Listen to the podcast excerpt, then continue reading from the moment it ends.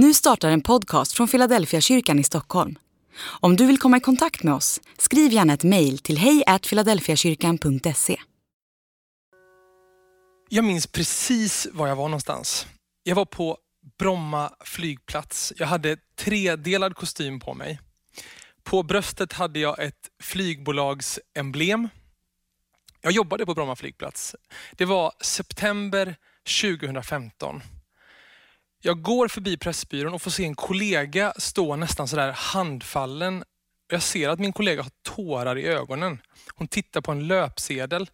Och när jag ser vad hon ser så tar det bara någon sekund så är mina ögon fulla av tårar. På kvällen så skulle jag gå på körövning. Och när jag kom in i rummet var det som att alla pratade om den här bilden. Alla hade liksom, det var som att den hade liksom folk hade inte kunnat värja sig, den bara var där och folk var berörda och när vi hade andakt efter körövningen så var det flera som liksom beskrev hur den här bilden hade liksom kastat omkull deras dag och hur de kände att vi måste göra någonting. Jag minns att det var min känsla också. Nu, måste, nu är det nog, vi måste göra någonting. Jag ska återkomma till den där bilden och den där berättelsen alldeles strax, men först vill jag läsa dagens bibeltext som är från Matteus evangelium kapitel 14. Jag läser ur Nu-bibelns översättning. Och Det vi ska ha med oss är, precis innan eh, det jag nu ska läsa, så har eh, Johannes döparen blivit mördad. Johannes döparen som var Jesu vän. Det kan vi ha som en bakgrund. Jag läser från vers 13.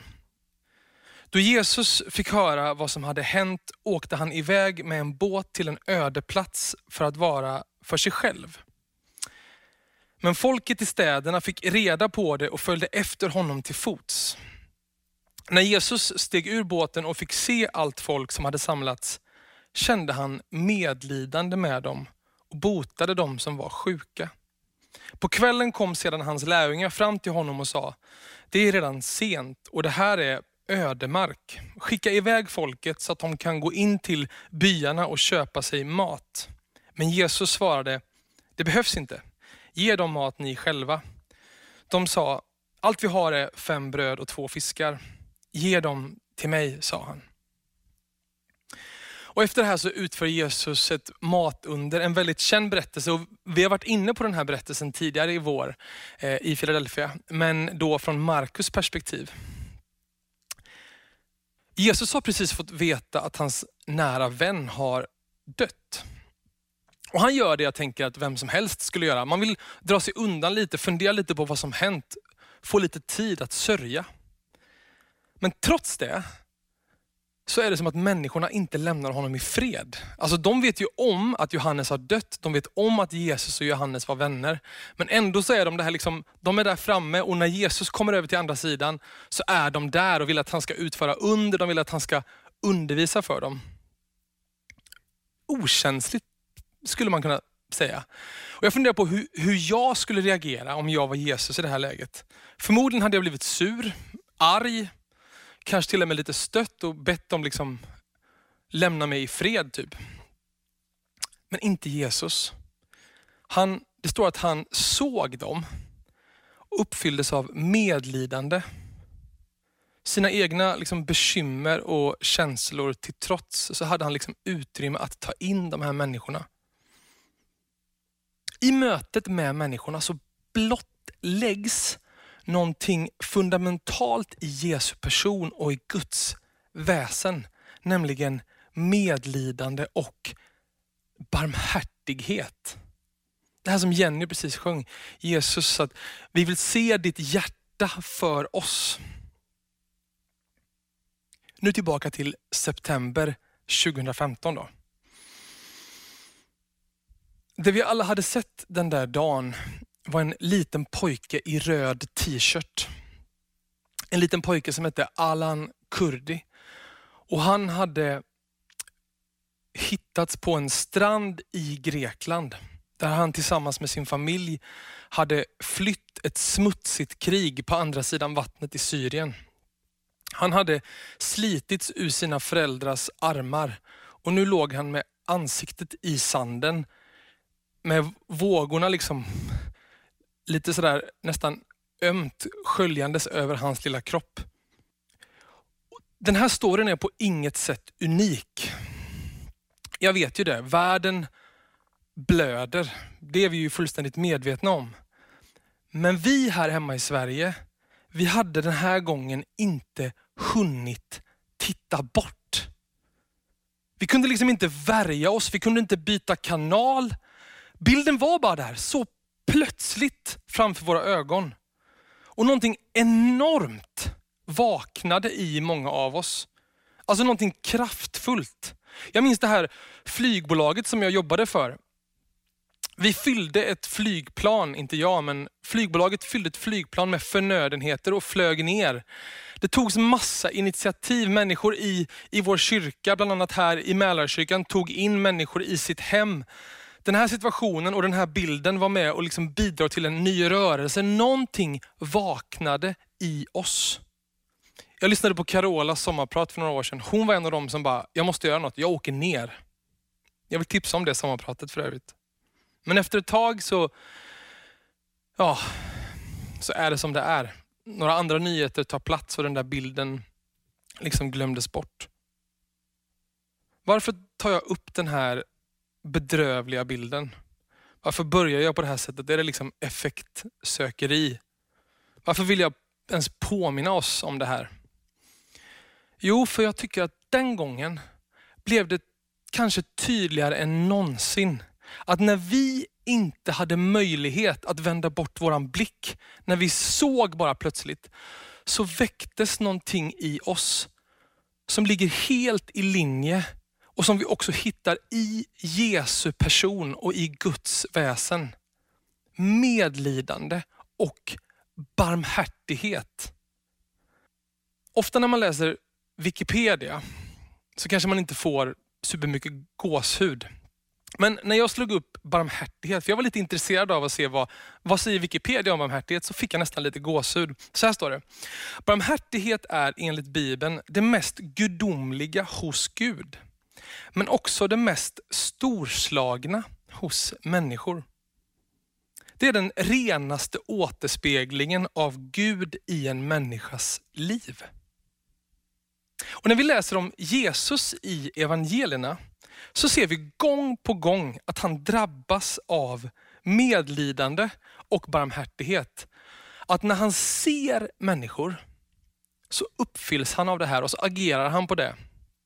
Jag kan bara ge några korta exempel. I Markus kapitel 6 så återges det här som jag precis läste. När han steg i land och fick se en stor skara människor, han såg dem. Han fylldes av medlidande med dem, för de var som får utan herde. Lukas kapitel 7. När Jesus såg henne fylldes hans hjärta av medlidande och han sa, gråt inte.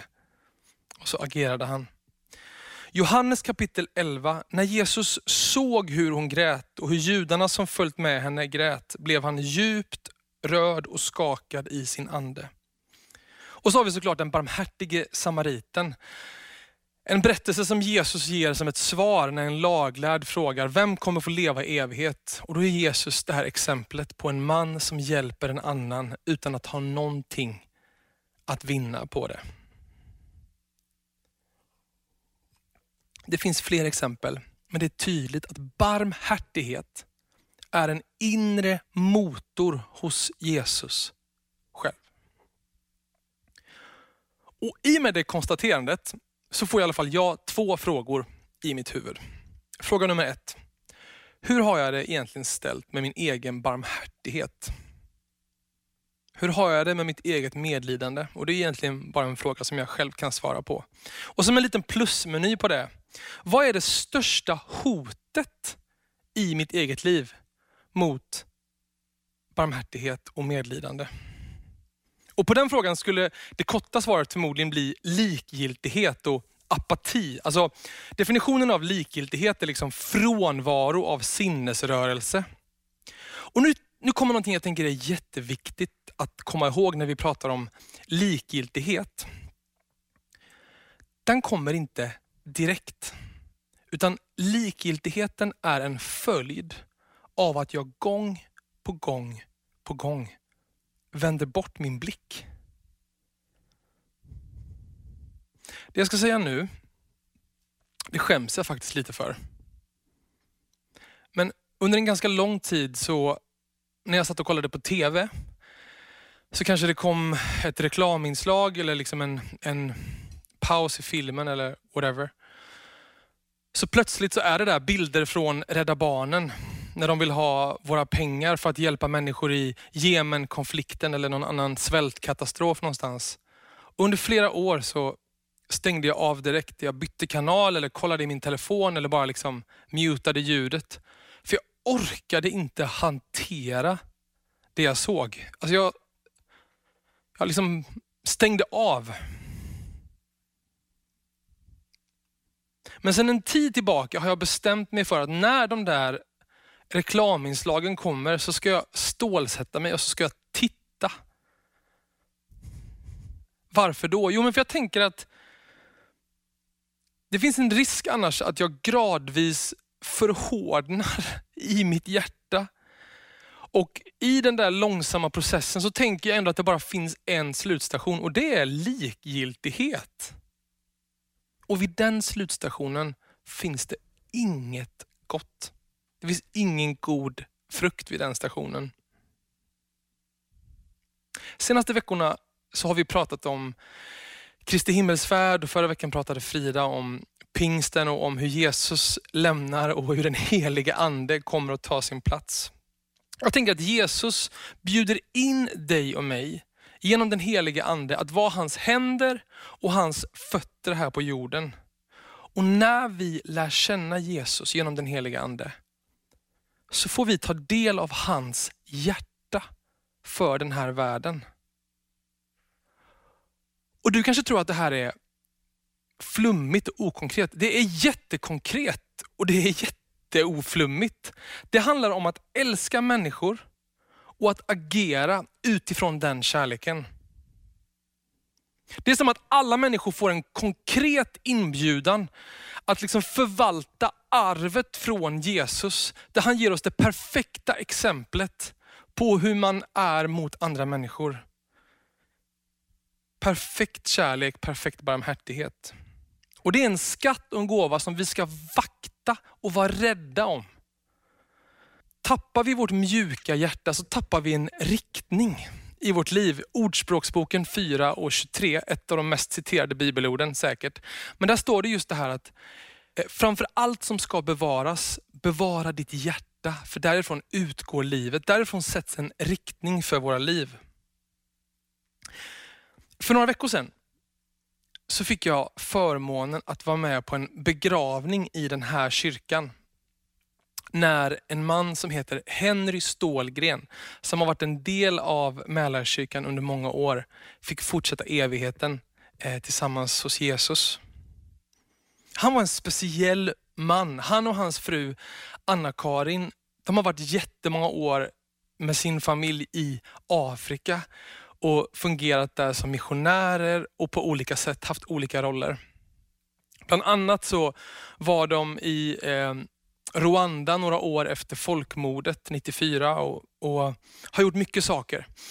Och jag har alltid liksom, alltså jag kände inte Henry så väl, men jag har, jag har fascinerats lite sådär på håll av hans driv och hans, liksom, hans, hans sätt att hela tiden liksom leva för andra människor. Inte bara i Afrika utan också här på Ekerö där han var del av en besöksgrupp på fängelset och sådär. Och så när man är på en begravning så får man ju liksom pusselbitar av en person, hur andra människor också har upp, uppfattat honom eller henne. Och så var det på den här begravningen. Det jag fick förstå var att Henry, Henry var en sån där man som aldrig vände bort sin blick. Han såg alltid människor. I det café där jag just nu befinner mig med Ekerö torg bakom.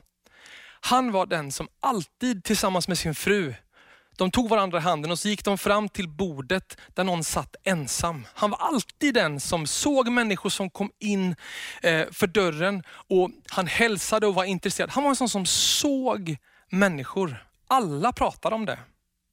Jag tänker att det där hör ihop. Ett mjukt hjärta, att vi inte får vända bort vår blick från människor.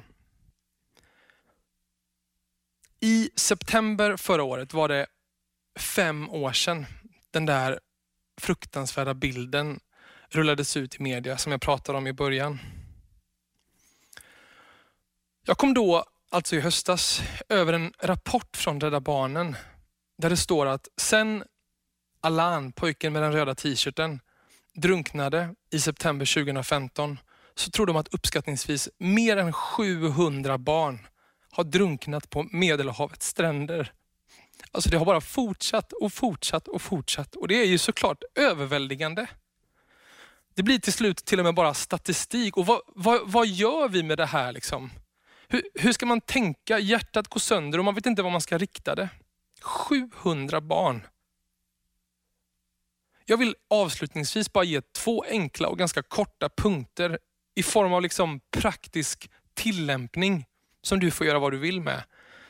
Men jag upplever att Gud har lagt det på mitt hjärta och jag upplever att det är ett sätt för oss att hålla vårt hjärta mjukt när världen ibland känns överväldigande. Min utmaning till dig och mig idag lyder följande.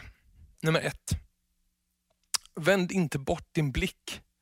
Utan när mänskligt lidande porträtteras framför dig, istället för att titta bort, bestäm dig för att titta och i samma andetag be till Jesus att han krossar ditt hjärta för det som ligger på hans hjärta. Be att du får ett mjukt och formbart hjärta så att du kan fullfölja det uppdrag som han har gett dig. Det är min första punkt. Vänd inte bort din blick. Det är ett sätt att hålla hjärtat mjukt och mata den barmhärtighet som Gud har lagt ner i varje människas hjärta. Nummer två. Gör för en vad du önskar att du kunde göra för alla. Den här statistiken som jag precis läste, 700, det är ju helt överväldigande. Det är så lätt att vi bara sätter oss ner och bara, det är för mycket. Men då tänker jag att det här att vi kan göra för en vad vi önskar att vi kunde göra för alla. Det är en nyckel. Det är också en lögn att vi inte kan påverka. Du kan med ditt medlidande och din barmhärtighet vara till stor skillnad för någon. Det kan vara skillnaden mellan liv och död eller hopplöshet och hopp. Jag tänker att det där fungerar både i det stora och i det lilla. Att få gå Jesu ärende.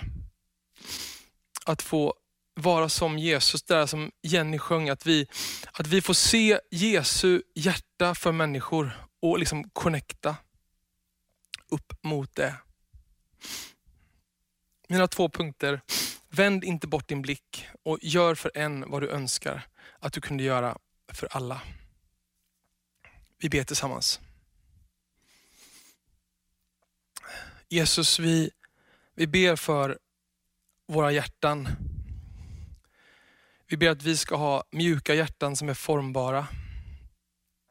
Hjälp oss att hitta en väg till ett större medlidande och en större barmhärtighet som på något sätt leder oss eh, till att göra ditt uppdrag i den här världen, Gud. Du ser oss var och en, du vet vad vi bär på, vad vi brottas med. Hjälp oss att inse att vi, oavsett vad vi befinner oss, faktiskt kan vara en välsignelse för människor i vår omvärld. Välsigna resten av vår gudstjänst. Vi lägger den i dina händer. I Jesu namn. Amen.